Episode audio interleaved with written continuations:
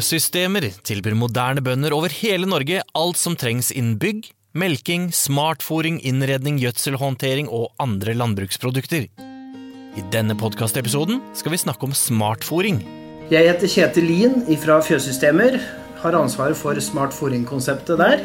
Eh, I dag har vi fått med oss Harald Volden, guroen innen mjølke, mjølkeku og fòring. Nå er vi på andre sida av laktasjon, nå skal vi ned i, i kraftfôr.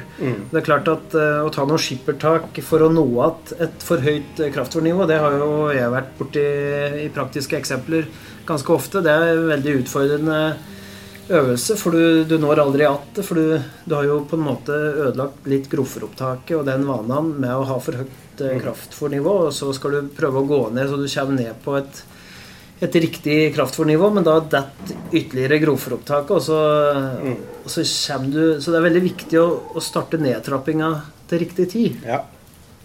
Og da snakker vi fort eh, 100-120 dager. Ikke sant? Der bør du liksom begynne å, å gjøre den, eh, den nedtrappinga, og så bør du gjøre den eh, veldig gradvis. Ja. Ikke ta den i sånne voldsomme trappetrinn. Ikke gode gammeldags eh, blekkbokser. Nei. Nei. eh, fordi at eh, kua må altså Du kan si at da Diskusjonen er altså hva er det da som driver mjølke, mjølkeproduksjon? ikke sant? Er det fôropptaket, eller er det, er det fôropptaket som eh, Nei, eller mjølkeproduksjonen som driver fôropptaket? Det er liksom, hva, hva er da liksom eh,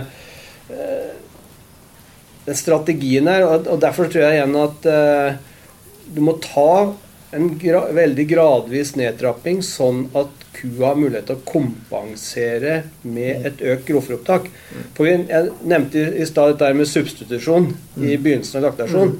Men vet, når du begynner å trappe kraftfôr ned, så får du en omvendt, da, får du en omvendt substitusjon. Når du da går ned på kraftfôret, så skal, klarer de å kompensere med økt eh, grovfòropptak. Ja. Og det, og det viser jo også eh, forsøkene som er gjort. Jeg sa at substitusjonen er størst i begynnelsen av laktasjon. Og at den i gjennomsnitt gjennom en hel laktasjonsperiode er ca. 0,5. Men det betyr jo det at ei ku som har kommet 150-200 dager ut i laktasjon, der har du faktisk en substitusjonseffekt på, på rundt 0,5. Så det betyr at går du gradvis ned med kraftfôret, så kompenserer du ved å spise mer grovfôr. Under én forutsetning, og det er at du har en god grovfòrstrategi. Jevn, stabil kvalitet, appetittfòring, sånn at du virkelig kan eh, kompensere. Ja, og det ligger til grunn hele veien. Ellers blir det Ja, ja. vanskelig å snakke fòring. Ja, ja, det gjør det.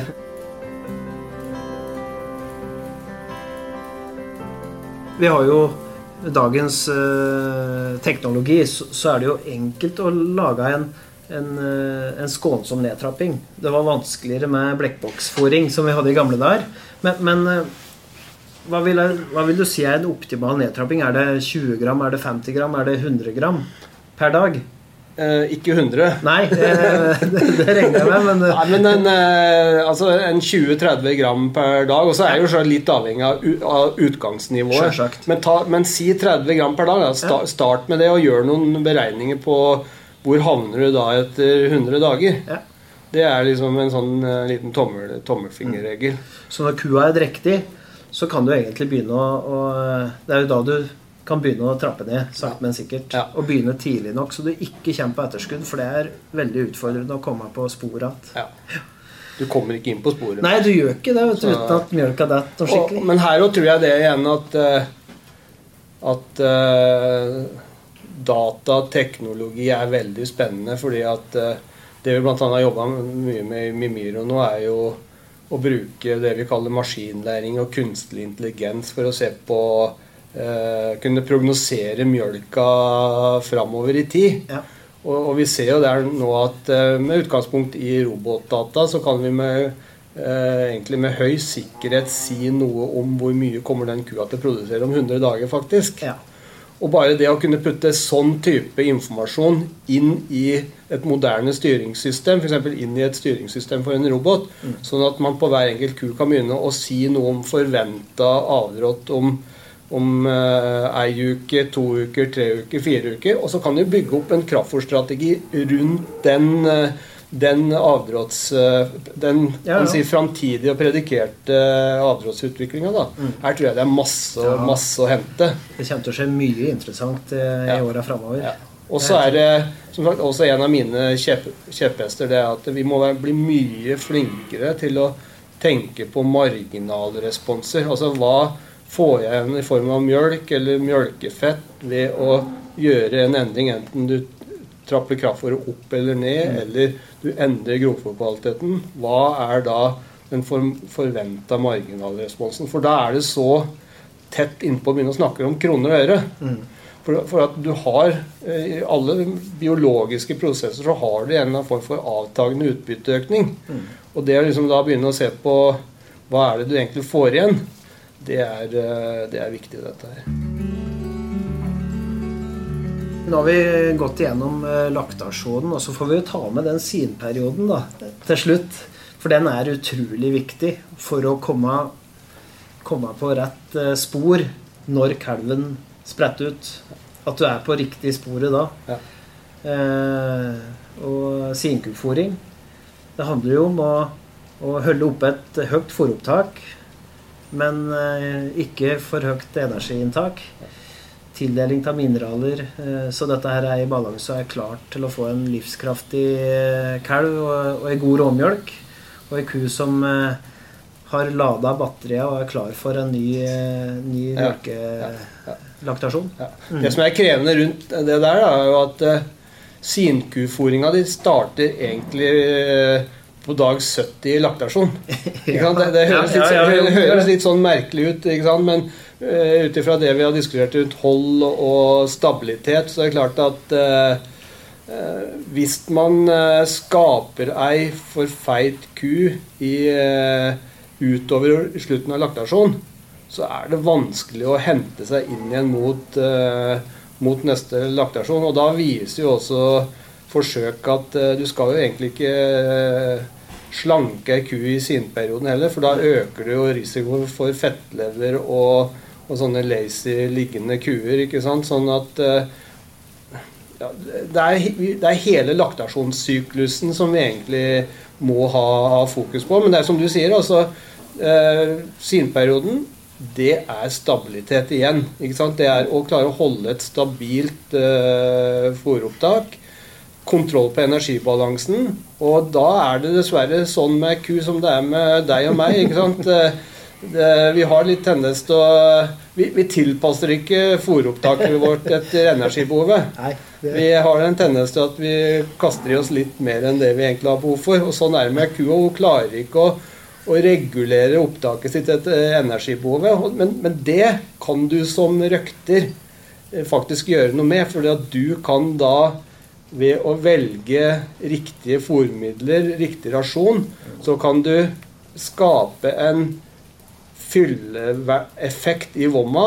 Kua føler seg mett, men med en begrensa energitilgang. Og da snakker vi om eh, om eh, grovfòr som egentlig har eh, veldig lav fordøyelighet. Mm. Da snakker vi om eh, halm, eh, ubehandla, ammoniakkbehandla, eller vi snakker om veldig seint eh, høsta gras.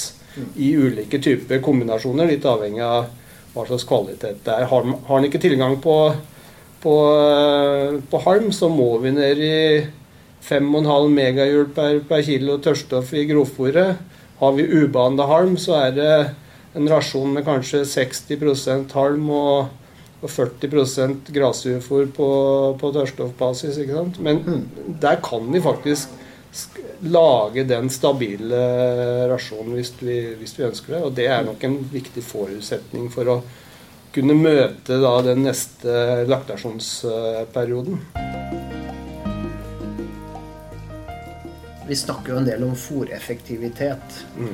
Og det er jo på en måte et uh, resultat av det vi har snakka om nå. Mm. Hvis du lykkes med å gjøre de riktige tinga til riktig tid, uh, så blir jo en bra fòreffektivitet. Helt, helt, klart. Helt klart. Ja.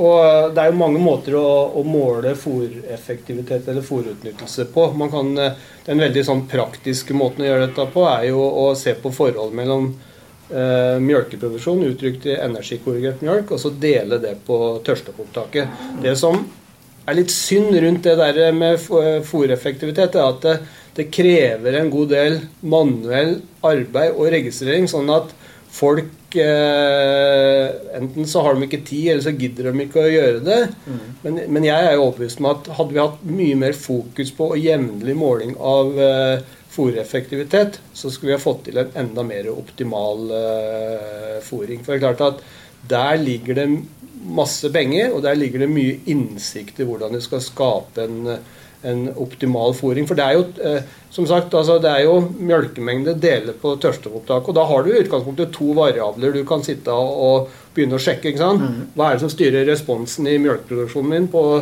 på, på telleren? Og på nevneren så ja, hva er det som egentlig påvirker eh, fôropptaket eh, i, i besetningen. Så kan du begynne å gjøre vurderinger og evaluering på det for å kunne begynne å justere fôringa. Så jeg håper jo virkelig, ikke minst med den uh, mer og mer teknologi som kommer inn i fjøsene, at vi skal kunne få data fra den teknologien. At vi kan begynne å måle fòreffektivitet jevnlig som en, som en, uh, som en styringsvariabel. Og jeg tror at det, det, det, det, ser vi jo det uh, samarbeidsprosjektet som Mimiro og Fjøssystemer har hatt også nå, med at det ligger en, en kjempepotensial i det.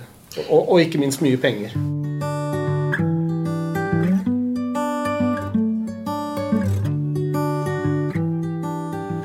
Ja, det, det, ligger mye penger her, og det, det, er jo, det, er jo, penger du på en måte ikke ser.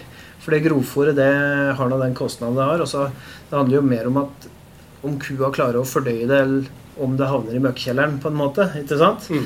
Uh, og, og, det er ikke så lett å se.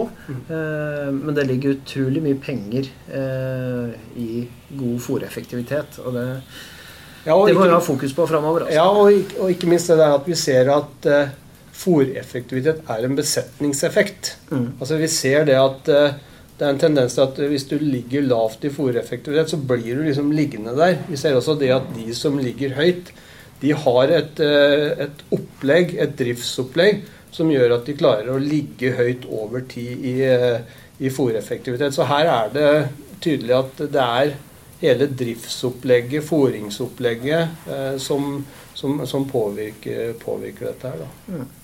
Og som sagt, eh, høy eh, fòreffektivitet er også lavere klimagasser, høy, høy utnyttelse av, av, ressurser, og ikke minst da i forhold til økonomi. Og vi måler jo som sagt fòreffektivitet som forholdet mellom mjølkemengde og, og fòropptak. Og, og, eh, hvis vi har en høy fòreffektivitet, så ligger det, det forholdstallet på rundt 1,5. Mm. Og er vi nede på 1,3 til 1,2, så er det så er det en middels til lav fòreffektivitet. Og det er, det er, klart det er ganske fantastisk å tenke på at noen klarer å få ut mellom 1,5 til 1,6 kilo mjølk per kilo tørrstoff, mm. mens noen klarer ikke å få ut mer enn 1,2. Og begynne å regne dette på kroner og øre, ja. så er det utrolig mye penger. Og det vi har liksom gjort av Altså tar du en gjennomsnittlig kraftfòrkostnad grovfòrkostnad, så betyr det, det at eh, klarer du å øke fòreffektiviteten din med en tiendedel, så er det fort en 15-20 øre eh, per mjølkeliter. ikke sant? Sånn at eh, det blir fort penger av dette.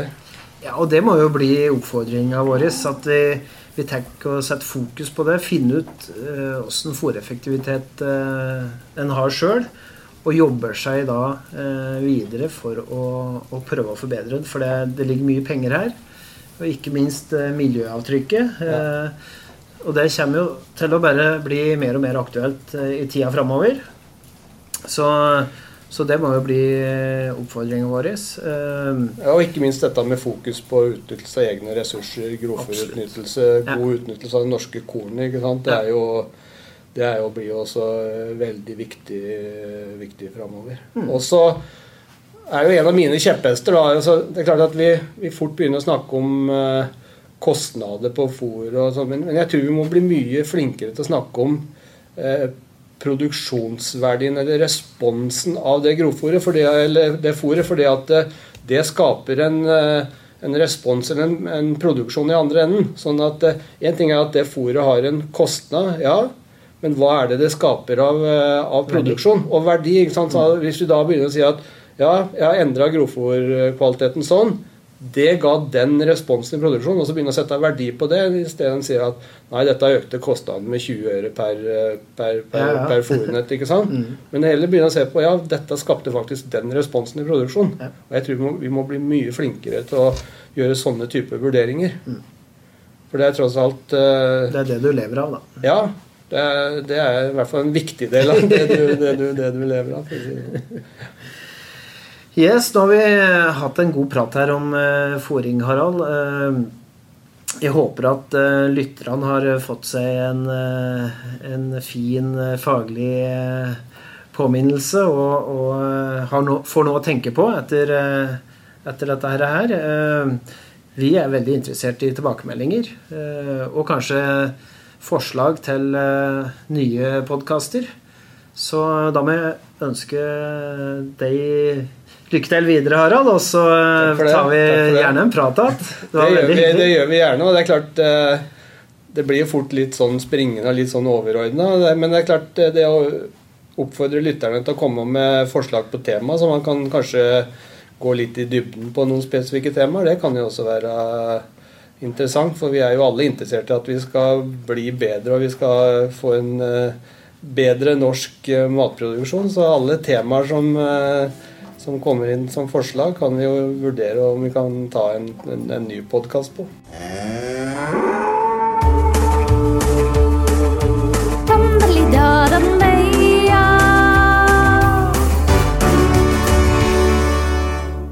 Ønsker du mer informasjon om oss og våre produkter? Ta kontakt eller gå inn på våre websider fjordsystemer.no.